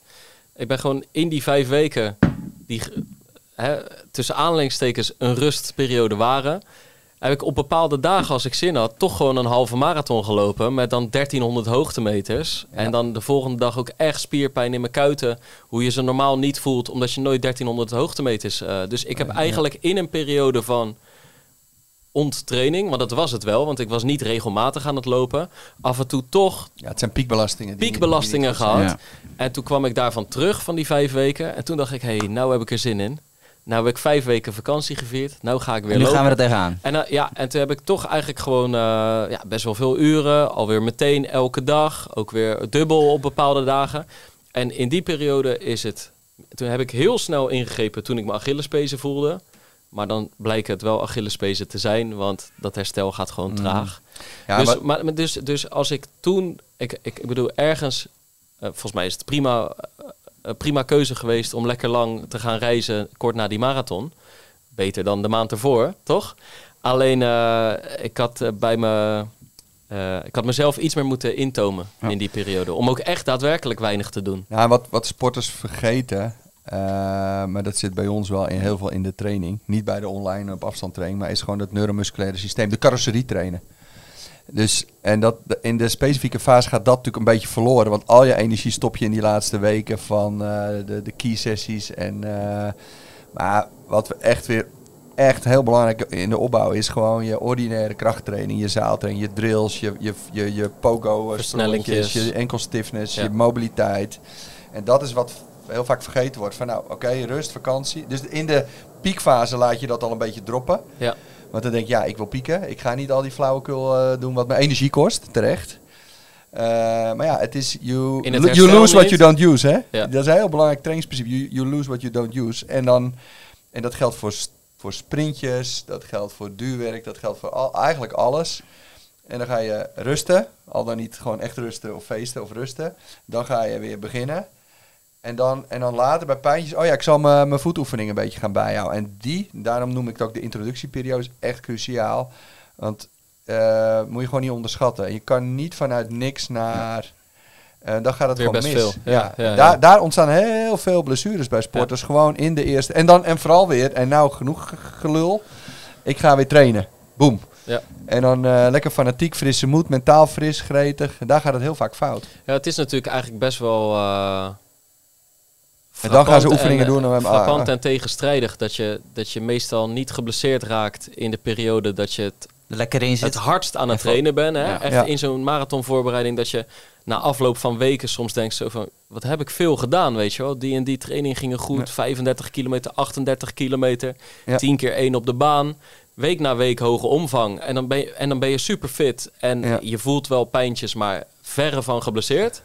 En dan in een periode dat je een beetje aan het lanterfanten bent... of voor je gevoel pas net aan het opbouwen... dat het daar eigenlijk misgaat. Maar, dat, maar toch even terug naar zeg maar, die fysiologische parameters, eh, zoals bijvoorbeeld heart rate variability. Om te kijken, ben je in herstel of niet. Eh, als er één ding is wat heart rate variability wel heel goed in kaart kan brengen, is de, het effect van de life stressors en voeding. Dus eh, wat is het effect van alcohol, van reizen, van... eh, Stress. Wat is het Van effect stress. van 10 gin tonics? Ja. Ja. En, en, nee, maar, en dan zie je... Asking for a friend. Heel laag, heel laag. Ja, maar als je dus, eh, dus training heeft een gunstig effect op HRV, hè? Dus gezonde training en gezondheid, dus goed gedoseerde eh, training, dat is een, een HRV-verbeteraar. Eh, en de life stressors en de emotionele stressors, dat zijn, en, en je shit niet op orde hebben en, en, en de beruchte balans niet goed eh, in de gaten houden, dat is een heart rate vari- variability verslechteraar. En ehm, dat vergeten mensen. Mensen willen graag naar HRV en naar alle, alle, alle eh, data die die klokje tegen je zegt als gevolg van training. Maar het is een optelsom van alle stressoren. En training is gewoon een hele gunstige stressor. Als het goed is, word je er beter van. Uiteindelijk key sessies. En Ja, Mhm. ja, dus- extreme dus dingen het- zijn natuurlijk wel zwaar. Maar dus het is niet frappant dat als je aan de gin, 10 gin tonics zit en lekker aan het reizen bent en ook nog eens een halve marathon doet eh, het in de jou tra- even qua, training, Ja. qua Ja. training en een veel Ja. te grote piekbelasting, dat je vervolgens in de problemen Ja, komt. ja. Nou ja, dus dat is... Het is wel makkelijker gezegd dan gedaan hoor. Want Nou ja, waarom zeker, gaat het bij want- sommigen altijd mis? Ja. En waarom gaan het bij sommigen nooit mis? Nee, want ik, ik bedoel... eh, Zelden mis. eh, kijk, nu sla, sla ik hem bijna plat van... Jezus, wat ben ik onverstandig geweest. Terwijl ik op dat moment echt wel bezig was van... Ook weer terugkomen. En bijvoorbeeld, ik heb de helft op de fiets gezeten van die uren. Ik ben echt niet voor mijn gevoel totaal rigoureus al wat fouten gaan doen. Ik, ben- ik heb wel wat loopervaring opgebouwd. Ja, ja, ja. Maar het, is, het, het zijn inderdaad gevaarlijke periodes dat er toch Overgangen. langzaam iets insluipt. In het algemeen, jongens, overgangen van de ene naar de andere fase. Daarom hebben we, we neigden bijna naar brokken, meso's en, van de- en dan doe je dit en dan doe je in één keer dat. Nee, het zijn hele zachte, geleidelijke overgangen. Waarbij je altijd jezelf moet realiseren ehm, welke prikkel je ook geeft, met welk doel dan ook. Is het een introductieprikkel? Is het een ontwikkelprikkel of is het een onderhoudsprikkel? En Dat daar is heel bewust simpel. van zijn. Ja, ja, en je moet, hè, want you, you lose what you don't use. Eh, je kan niet in één keer marathon, marathonblokken gaan doen uit het niks. En dus Om- en, en, en- om- omdat en in sommige periodes zit dat er ook Ja. wel een klein beetje Omdat in. we zeggen van ja, het is zes weken, nee ja, als je er niet aan toe bent, dan kan je Maar op een gegeven moment moet je daar gaan beginnen. Want dan gaan we Ja. even terug naar jouw marathon van 2012 in Amsterdam. Je hebt dan, die je, hebt dan eerst gewerkt naar die, naar die snelheid, die 5 en die 10 kilometer, die, die doelen die je er wil bereiken. Je hebt die doelen bereikt uiteindelijk. En dan komt de Ja. volgende fase. Je, wij spreken die 10 kilometer in 28 gelopen, of ik weet niet of je dat toen... toen Nou, ik weet dat ik toen nog me wel kan herinneren dat we dat toen niet haalden. En toen, ging ik naar, eh, toen gingen we naar San Moritz in augustus. En toen gingen we veel meer eh, ook wel wat eh, volume maken. Wat ook Dus natuurlijk dat belangrijk is richting... baan- dus het baangedeelte was eigenlijk voorbij. Maar we deden nog wel prikkels toen op, op snelheid. Hè? Dus we lieten het niet helemaal weg. Dus nog zeker een fase... Ja, en langzaam volume, gewend raken aan weekvolumes omhoog. De lange duurlopen werden geïntroduceerd. Hè, om ook maar weer die overgang richting de specifieke fase natuurlijk goed te Maar ga moet je, gewoon... ga je dus een. Hoe lang, Ja. hoe lang duurde dat? Hoe lang, hoe lang was Ja, meestal gingen we vier weken. Vier weken? Vier weken, ja. En dan zag dat eruit dan? Gewoon heel Ja. gezegd. Mm, nou ja, wat ik net zei. Dus, dus, dus volumes nog wel trainingen op snelheid doen. Omdat het nog wel aandacht eh, nodig had. Omdat ik nog niet stond waar ik wezen moest. Ehm, en ook wel eh, gewend raken aan, eh, aan ja, langere duurlopen. Dus die, deden we, die kwamen ook dan regelmatig terug. Dus het was wel... Dus, dus ik weet wel dat we toen... Het is alweer echt lang geleden natuurlijk allemaal weer. Hè? Dus, het is elf, Opa praat. elf jaar geleden. maar ik weet wel dat we, dat, we, dat, we, dat we het baanseizoen uitkwamen. Dat we heus waren en dat we er nog net niet helemaal waren. Ehm, en dat we toen wel hebben gezegd van... Ja, oké, maar we gaan die DWE-volumes gaan echt omhoog. En we blijven nog wel wat snelheid doen. En, en aan die langere duurlopen wennen. En dat, dat stond in het teken van, die- van die periode. Ja. Volgens mij is het. ehm, want eh, toen hebben we, we hebben echt lang met René gezeten. Drie en al, eigenlijk bijna over een soort jaarplan gehad. En eh, eh, het is een soort van. Je, je wil een soort helder plan hebben. En, en een logisch plan met een logische opbouw. Met een soort logische ontwikkeling en groei. En vervolgens heb je ook weer flexibiliteit als loper nodig. Ja, maar wat ik ook vooral mist is, wat wil je bereiken en wat is dan de prikkel die je toedient om dat te bereiken? Mhm. En dat er een gedachte zit achter de trainingen. Nee, maar wat ik bedoel nu te zeggen. Ja, en ook, het moet ook flexibel zijn in je... Nou ja, wat ik nu bijvoorbeeld... Je stelt natuurlijk doelen, targets. eh, eh, je zet ergens een soort van semi een streep of een overgang van dan gaan we naar het volgende. Bijvoorbeeld alleen al gewoon het vertrek van na het baanseizoen naar St. Moritz. Dan volgt er een nieuwe fase. Maar tegelijkertijd heb je nog niet alles af kunnen vinken wat je misschien wel had willen doen. Maar dan ga je ook dan niet in blijven hangen. Je moet uiteindelijk ook wel gewoon weer uh, Nou ja, je moet- schipperen en kijken wat er op dat moment nodig is. en dat kan er no- som- welke prikkel en dat wil je kan nog soms anders zijn dan je zes weken van tevoren had, eh, had uitgedacht. Ja, kijk, het, het karakter van Michel al van jongs af aan is dat hij heel goed met, met druk om kan gaan. En dat hij heel goed, ehm, eigenlijk heel goed kon pieken. En, ehm, en deadlines nodig had. En, en ook doelen nodig had. En wedstrijden nodig had. En grote uitdagingen nodig had. Dan, dan kwam hij het beste tot zijn recht. Ehm valkuil daarin is dat je ook heel vaak eh, te veel in de problemen kwam in de deadline. En in de laatste fase van echt de laatste eh, vijf jaar weer dat eigenlijk steeds meer. Dus er kwamen in de fundamentele fase was er gewoon niet genoeg fitheid. En dan werd het, werd het ook schipperen. En dat Had- is ook gewoon heel het te maken natuurlijk. met hè. dat je op dat moment de urgentie nog niet helemaal voelde. Dat hè, dicht bij zo'n De deadline. ene deadline en nu weer tegen de andere dan, Dan deadline. was je de hongerige wolf. Maar vier maanden of drie maanden Ja. eerder is dat moeilijker. Ja, Toch? Ja, ja. Nee, zeker. Ik vond eh, de, de 20 weken met een einddoel na 20 weken vond ik nog wel eens, eh, wel eens lastiger. Ja. Ja. Ja. Ja. Maar betekent dat dat je dan wat zoiets had van nou iets nonchalanter was? Of dat je denkt van nou ik heb nog wel even tijd? Of Ehm, jouw commitment groter gedurende, eh, gedurende de periode dat de wedstrijd dichterbij kwam? zeker. Ja, ja, ook kijk, denk, natuurlijke ouder worden, denk ik. Hè. Dus de, de- sorry, mag ja, zeggen. in de Maar- laatste maar- fase was dat natuurlijk inderdaad wel. Dat heilige vuur, waardoor je echt ook eh, lang van je doel eh, gewoon onzichtbaar moet opstaan en, en je gewoon je shit moet doen, zeg maar. Maar wat merkte je dan Maar bij ik denk zelf, ik denk als ik het kijk als een van de dingen is dat ik wel, ik kon wel, ik had wel veel eh, commitment en ik kon wel echt eh, vol voor mijn doel gaan. Maar ik kwam ook wel eens uit een introductiefase en eh, dat ik dan ook had van oké, bam, ja, nu, eh, nu, moet, nu moet de knop dan maar weer om. En dan eh, beuken in trainingen en dan weer een paar stappen terug moeten doen omdat ik gewoon te hard ging, zeg maar. Dus, en dat is een heel groot deel van mijn carrière gelukkig wel ook goed gelukt. Hè? Dus dat is als jongere leeftijd gaat, dat veel, gaat, dat, gaat dat moeizaam. Hè? Dan ben je nog een jonge jongen en dan ga je ook net, ga ik net als Pim, wil ik ook 10 gin tonics. Misschien nog wel... Misschien nee, nog wel niet meer. Nee, weet ik niet.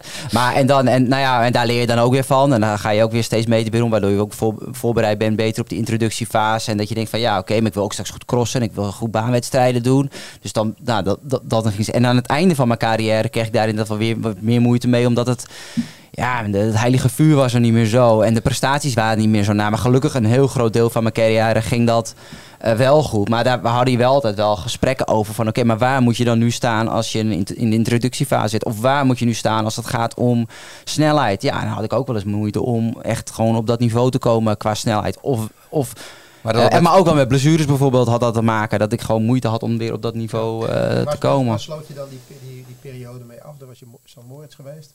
Dus dan kom je een beetje in de laatste fase in Amsterdam. Heb je dan, heb je dan zeg je van, nou, dan pak je nog een paar wedstrijden. Ik heb jou wel eens gezien dat je bijvoorbeeld Dam te Dam eh eerste duurloop.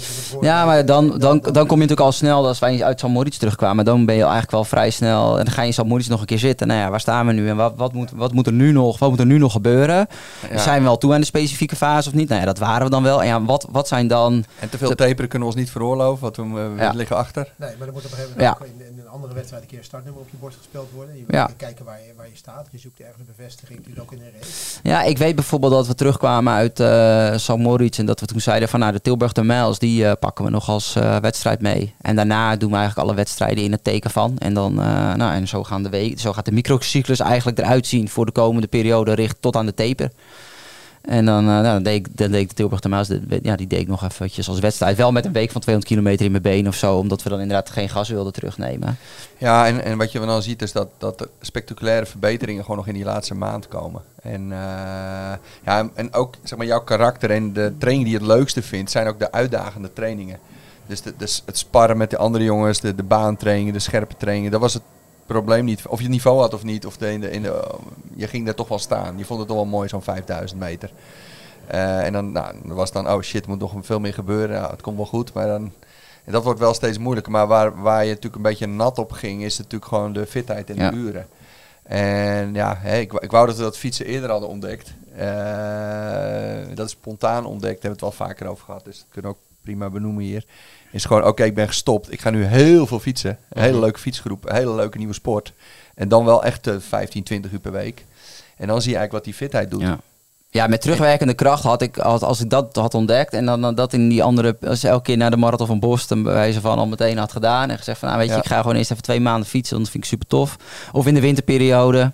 Ja, en een weekgemiddelde van 100, 120 is gewoon veel te weinig. En dat moet je dan gewoon aanvullen met fietsen. Eh, of uitdagen of trails of whatever doen. Maar de, de, de, gewoon de fitheid om, te kunnen, om de specifieke fase aan te kunnen. En, want zonder fitheid, dat even een boodschap voor iedereen. Want mensen vragen wel vaak, ja, moet ik nou basis of specifiek of tempo of snelheid doen? Ja, zonder basisfitheid is er ook geen snelle 10. En ook geen snelle 5.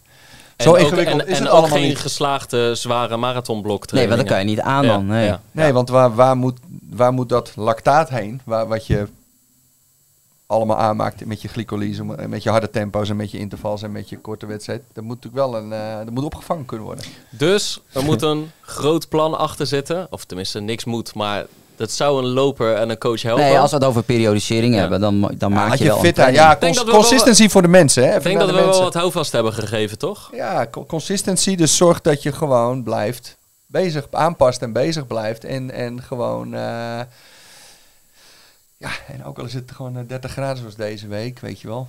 En, en wou ik ook nog wel even, dat punt wou ik ook nog wel even maken voor alle lieve luisteraars. Er staat natuurlijk echt ook wel iets geprogrammeerd op pace soms. Maar eh, denk gewoon na, wat zou je als je morgen een wedstrijd even hebt? Wat zou je dan doen? Zou je dan net zo hard gaan? Aanpassen. Nou, dat geldt dus ook voor trainingen. En Ja. denk vooraf gewoon, hoe hard moet ik? Voor dezelfde prikkel. En ook dus in je planning. Dus eh, ja, nou ja, een planning deel ze op in, in, in delen. En kijk van waar wil je staan op een bepaalde moment. En ben je daaraan toe. En wat heb je dan nog nodig op dat moment? Welke prikkels om toch op een bepaald niveau te komen. Voordat je weer naar de volgende Ja. fase overgaat. En in de specifieke fase, die had ik nog even omcirkeld, die wilde ik vandaag zeker vertellen. Er is natuurlijk, je hebt alle, onder, alle onderdelen van training, hè? eh, VO2 max, efficiency, bla bla bla. Maar er is gewoon een hele belangrijke vierde dimensie. En dat is de, de en dat ja, er zijn ook wel veel mensen ook eh, van het Sub 2 Out project die zich ermee bezighouden. Hè, Andy Jones. En, Marathon onder de twee uur. ja, en die noemen dat de fatigue resistance. En dat betekent gewoon simpelweg als wij jou nu testen in het lab, of, we, of je doet een, een, hoe ga je om met drempeltest. Je, je, je meet jezelf en je gaat, we sturen je naar buiten. Je gaat anderhalf uur, twee uur lopen en we doen dezelfde test nog een keer. Hoeveel ben jij verloren van al je eigenschappen in het begin? En dat kan je met allemaal metrics wel heel makkelijk uitrekenen, ook in training peaks. Maar Dus die blijf je je die even vierde goed voelen, dimensie- kan je ja, hetzelfde tempo aan, blijf je Bij de- hartslag bij dat tempo ongeveer hetzelfde. Simpel gezegd, eh, inderdaad. Of ga die- je stuk. Die vier, ja, en Ja. die vierde dimensie, dus jou- jouw parameters van het eerste kwartier zijn heel anders als we je nu, we zetten je op de loopband, we testen je, we sturen je twee uur lang naar buiten en we gaan je nog een keer testen. En dat verschil is bij de een heel anders dan bij de ander. En de allerbeste, dan, zag je dat bij, dan zie je dat bijna niet. En daar is dus ook weer een fitheid voor nodig. En dat is dus wat je in de specifieke fase nog kan fine-tunen. Aan welk knopje draai je nog om, om uiteindelijk die goal pace, in zijn geval 42 keer 3,5. En dat is dus het monitoren van training en de respons op training. Ja. Top. We zijn er wel, denk ik, mannen. Althans, we kunnen altijd nog nog uren- uren, uren door. blijven. Maar we, we- dit is niet de laatste keer dat we bij elkaar aanschrijven. Jij gaat door naar Tialf, denk ik zo, Ja. eh, Michel? Ik, eh, ik ga naar op. het Van Maanenbad, waar ik eh, als geblesseerde loper een 12 rittenkaart heb. eh. Dat is kut, want ik kan, ik kan geen goede borstcrawl, dus ik doe schoolslag. Maar als je schoolslag doet, moet je in baan 1 of 2. En daar zitten ook wel heel oude mevrouwen echt een hele langzame schoolslag uit te oefenen. Maar het is wel, het is mijn manier nu om fit te blijven. Dus om wel de borstcrawl. Dat heeft Noah Schutte natuurlijk gedaan destijds. Maar ja, die lag er, ik ben toch ook van plan om er korter uit te liggen dan hij uiteindelijk. Ik ben op de weg terug, jongens. Elke twee weken ziet de echo er eh, beter uit. Oh, mooi. Ik heb wel een streep door nou, Big Ten, Athene. door de, door, door de halve marathon Breda en door Athene gezet. Wat dat betreft voel ik me dus ook niet geforceerd. Omdat er een wedstrijd dit najaar op de planning staat die ik zal en moet halen. Nee, maar elke twee weken ziet de echo er wat beter uit. Dus eh, ik kom er wel weer. Dat zijn goede En er is gelukkig niks mis met mijn tong. Dus we kunnen gewoon het pacer op blijven. eh, Hè? Ja, hoort er ook allemaal bij. En het wordt, eh, de periodisering wordt vanzelf weer makkelijker. Het wordt gewoon weer een eh, met de rug tegen de muur periodisering. we hebben ook geen dilemma's van het doel ik zo verder. Ik ga straks mijn deadline wel voelen, denk Ja, ik, Michel. Eh, dank, mannen. Voor Ja, was een weer leuk. podcastje. Eerst in de zon. Toen... eh, Ik zag jou een beetje een rode neus krijgen, dus ik denk, nee, doe dat scherm even omlaag. Maar de WD-40 moet ik denk ik eventjes daar, want het maakt een hoop herrie volgens Ja, mij. ja. Dat doe ik in de Eh, periodisering weer na de marathon, denk ik. Ik zeg al, alles na de marathon. Ja, precies. precies. We gaan terug naar Rotterdam, eh, Erik. We hebben plannen, we laten er niks over los. Maar er komen ook genoeg marathons aan natuurlijk. Genoeg mooie nawa- najaarswedstrijden. Dus blijf lopen, blijf luisteren en tot de volgende Pacer.